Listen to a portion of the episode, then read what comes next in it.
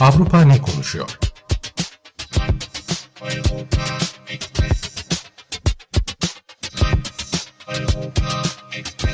Avrupa medyasından yorumlar.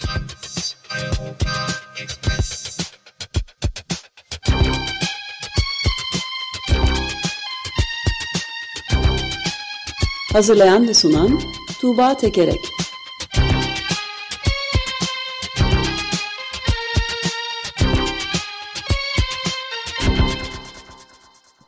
Günaydın Tuğba, merhabalar.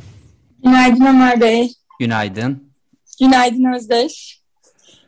Ne var ne yok, ne konuşuyor Avrupa bakalım? Ee, bugün Avrupa'da size Fransa'nın ve İspanya'nın gündemlerinden de bahsedeceğim. Ama önce Belçika'ya gidelim. Belçika'da ilginç bir e, asker e, vakası, asker ölümü var. E, Belçika gündemi yaklaşık bir aydır bu buna kilitlenmiş durumda. Nedir bu olay? Yaklaşık bir ay önce birliğinden ağır silahlar alarak e, bir asker Jürgen Konings e, o ordudan e, firar ediyor ve firar ederken de karısına ve polise e, mektup bırakıyor. T tamamen ortadan kayboluyor. Ortadan kaybolmadan önce bıraktığı bu mektuplar var. Mektuplarda ülkenin en ünlü viroloğu Mark Van Rasta bir takım tehditlerde bulunuyor, ölüm tehdidinde bulunuyor. Çünkü bu Van Rast Belçika'da Covid önlemleri konusunda hükümete danışmanlık yapan, belli koordinasyonlar yapan birisi. E, Van Rast kendisi, e, e, pardon bu asker, firari asker Collins kendisini Covid direnişçisi olarak e, ifade ediyor. Facebook'ta böyle paylaşımları var. Ayrıca bunun yanı sıra Facebook'una bak bakıldığında bu askerin işte aşırı sağcı partiyle bağlantılı olduğunu, kendisinin son derece radikal fikirleri olduğu görünüyor. İşte Müslümanlara karşı, göçmenlere karşı e, fikirleri olduğu görülüyor. E, böyle yani e, ordudan e, ağır silahlar alarak kaçmasının e, ve ortadan kaybolmasının ardından bir anda ülkede alarm zilleri çalmaya başlıyor. Bu virolog ailesiyle birlikte güvenli bir yere götürülüyor. Bazı camiler kapatılıyor, bazılarının etrafındaki güvenlik önlemleri arttırılıyor, saldırı düzenleyebilir diye. Çünkü aldıkları arasında mesela dört tank savar füze rampası var, makineli tüfek var. Neyse netice itibariyle bu e, asker bir ormanlık alanda geçtiğimiz pazar günü ölü olarak bulunuyor ve intihar ettiği e, düşünülüyor. E, yani intihar etmiş gibi görünüyor. Bu konu e, bu konuda da bir takım spekülasyonlar yapılıyor. İşte intihar etmedi de öldürüldü aslında falan diye. E, şimdi burada olayın e, daha da ilginç bir boyutu var e, Belçika toplumunun bir kısmı, e, bir kısım insanlar bu askere destek veriyorlar. Askerin saklı olduğu, saklandığı düşünülen ormanın etrafında ona destek yürüyüşleri yapıyorlar. Ve medyada da bu kişi hakkında Belçikalı Rambo gibi ifadeler kullanılıyor. Yani bu Belçika'da komplo teorilerinin ya da aşırı sağcılığın geldiği yeri ifade etmesi açısından e, son derece ilginç bir vaka olarak e, görülüyor. E, Belçika gazetesi Le Soir'dan bir yorum aktarayım. Diyor ki bu askerin toplumdan gördüğü desteğe hepimiz tanık olduk ve bu ideolojinin uzantıları her gün sosyal ağların besleyiciliğinde büyüyor. Jürgen Konings'in ölümü yaşadığımız karanlık bölümün sonu değil, maalesef sadece bir uyarı e, diyor. Başlangıcı diyor yani. Evet, evet, evet, evet. Bir de şey de çok enteresan. Yani Facebook'ta böyle paylaşımlar yapan birisi ve istihbarat e, bu askeri e, terör şüphelileri arasına almış. E, işte en üst seviyedeki terör şüphelileri arasına almış 3 ay önce. Ama buna rağmen orduda görevini yapmaya devam ediyor ve böyle ağır silahlara erişimi var. Hani bu noktada da hükümet son derece ciddi bir şekilde, sert bir şekilde e, eleştiriliyor. E, Collins öldükten sonra bu virologla konuşuyorlar. Ne diyorsunuz, ne hissediyorsunuz diye. Diyor ki hani ben rahatladım, onun çocukları için üzülüyorum. Ama asıl önemli olan şey beni öldürmeye çalışan bu kişinin arkasında binlerce kişi vardı. Hep Jürgen Collins'den daha fazlasını hatırlayacağım diyor. Peki bir şey soracağım burada ben de. Jürgen Konings'in ve orduda korunmuş olduğu aşikar yani bu apaçık ortada Twitter hesaplarıyla sosyal medya hesaplarında açıkça fotoğrafları görüldüğü halde serbest bırakılması tıpkı Türkiye'deki bazı katiller gibi. Ama e, şimdi başka bir şey var. Bir de e, bu tehdit ettiği virolog hükümetin e, danışmanı dedim biraz önce. Evet. Bu konuda e, Covid konusunda. E, o zaman hükümeti de hedef alması beklenmez mi tamamen? Yani bu birlikte yapıldığı bir komplo. Bir virolog hükümetten bağımsız olarak çalışan biri değil ki. E, vallahi bilemiyorum ona sormak lazım ama bu tip şeylerde belki bu tip e, kafaların işleyişinde hani bilim bilim insanları daha ciddi daha e, aşikar bir tehdit olarak yani tehdit olarak onların açısından daha ciddi bir hedef olarak görülüyor diye düşünülebilir belki. Bilimi hedef alıyorlar burada. E, hükümet ne diyor bu işe? Bizim danışmanımız, baş danışmanımıza bunu yapan bu toplumdan gelen bu destek olacak iş değil demiyor mu? E, diyorlar diyorlar yani bu konuda hani serbest bırakılması yani hiç gözaltına bile alınmamış. Sadece bu kişiyle ilgili bir istihbarat rapor hazırlamış.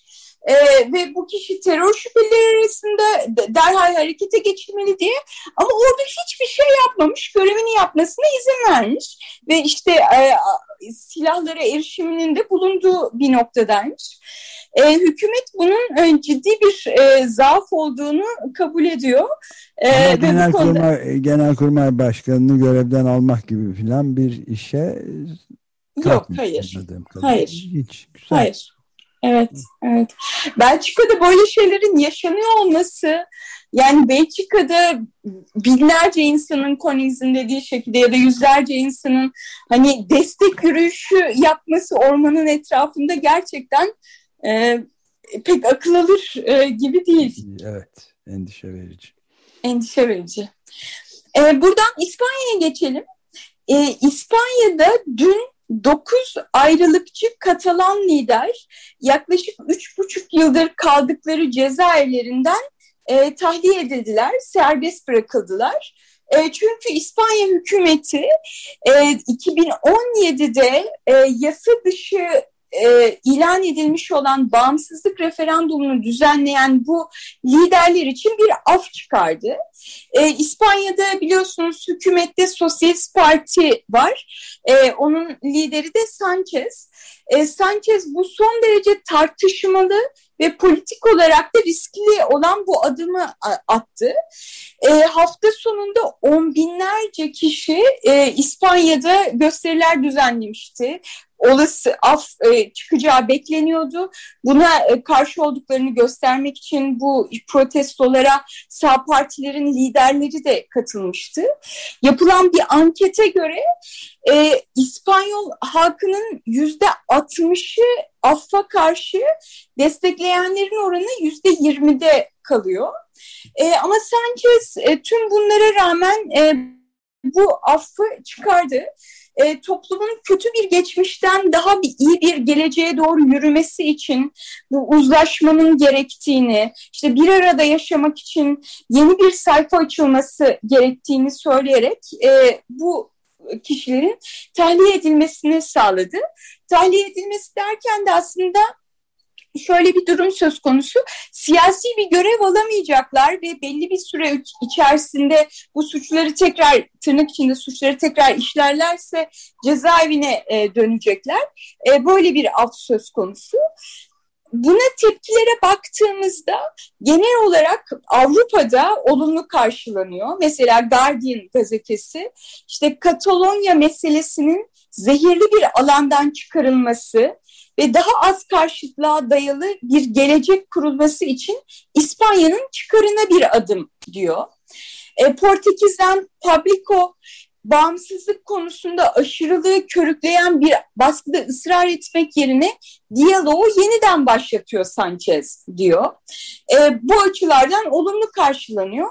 Ama dediğim gibi İspanya'da kamuoyunda ciddi bir karşı duruş var. Bunu yansıtan e, köşe yazıları da var İspanyol medyasında. E, bir örnek aktarayım. Geçtiğimiz 10 yılda siyasi ya da ekonomik alanda verilen her ödün Katalanlara bağımsızlık hareketini daha da güçlendirmekten başka bir etki yaratmadı. Bir provokasyonun cezasız kalmasını sağlamak bir sonrakinin fitilini ateşlemek demektir. Bu ne adil ne de akıllıca diyor mesela El Mundo gazetesi İspanya'da. Peki yeni bir iç savaş e, görünürde mi İspanya'da acaba? 1930'ların içinde oldu Franco'nun kazandığı Cumhuriyet'ini kaybetti. Yani bir de şey var çünkü 9 ayrılıkçı Katalan lider ayrılıkçı olmaktan vazgeçmiş mi oluyorlar af karşılığında?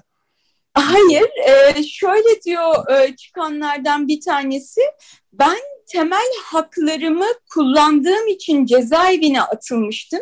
Hı. Cezaevinden çıkartılıyor olmam e, bir cömertlik değil, bir gerekliliktir diyor.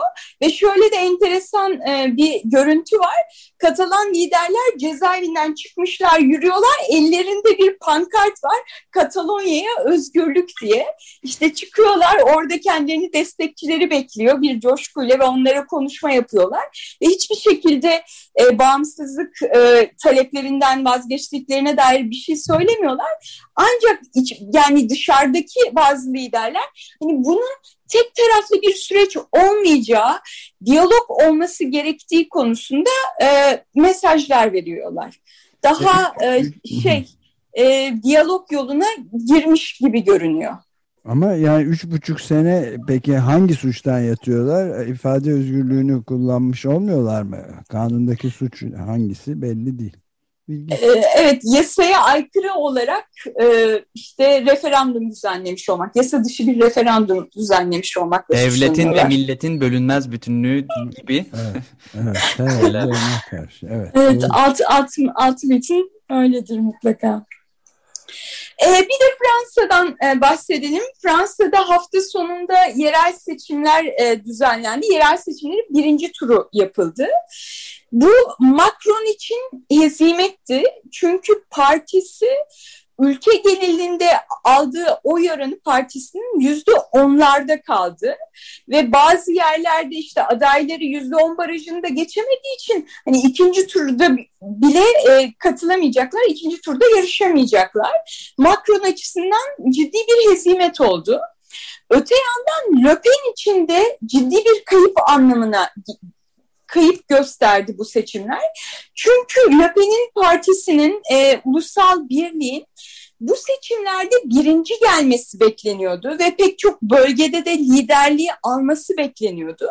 Ama böyle olmadı. İkinci geldi ve bir önceki seçimlere göre 9 puanlık bir e, oy kaybı yaşayıp %18 e, oy aldı.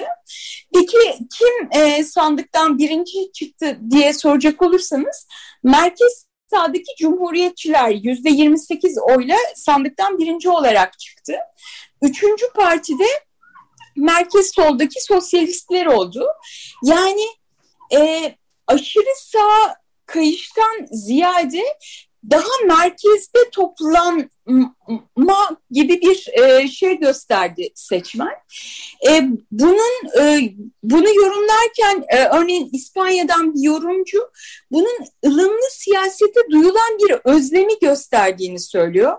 Batı toplumlarında popülizmin yarattığı bir hoşnutsuzluk var ve bunu sadece Joe Biden'ın zaferi göstermiyor. Bu seçim sonuçları da bunu gösteriyor diyor mesela.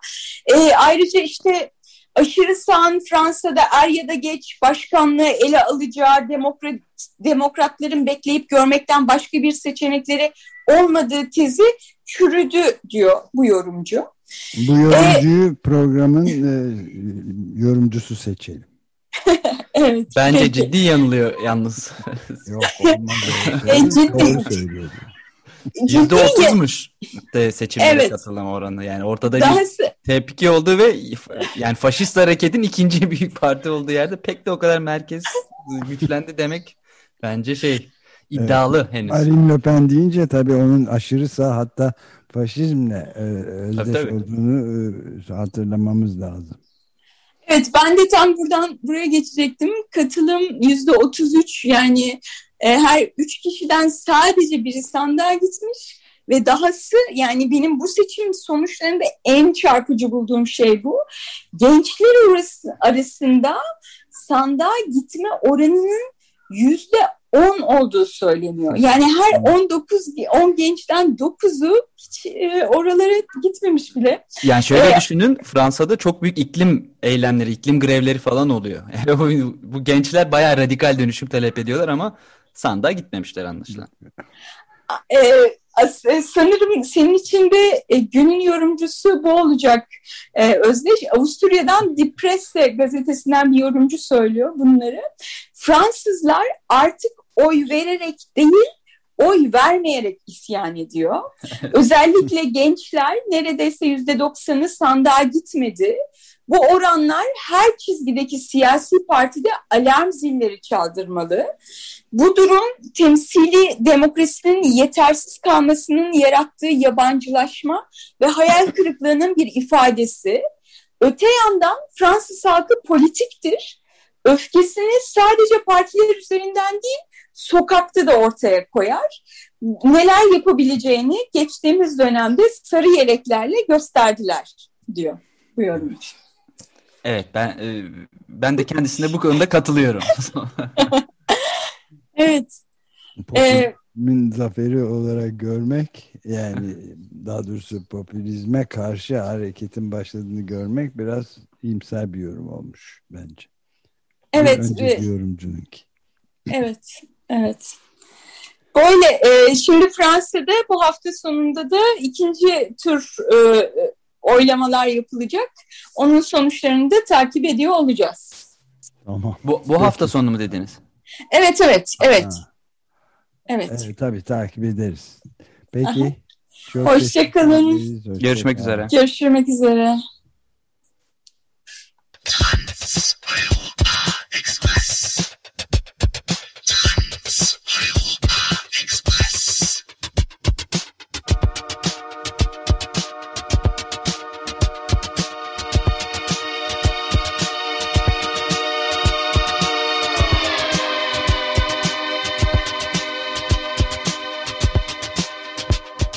Avrupa ne konuşuyor?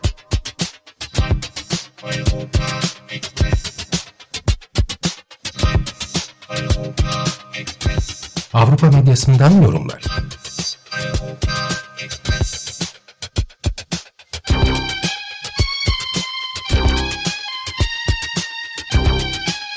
Hazırlayan ve sunan Tuğba Tekerek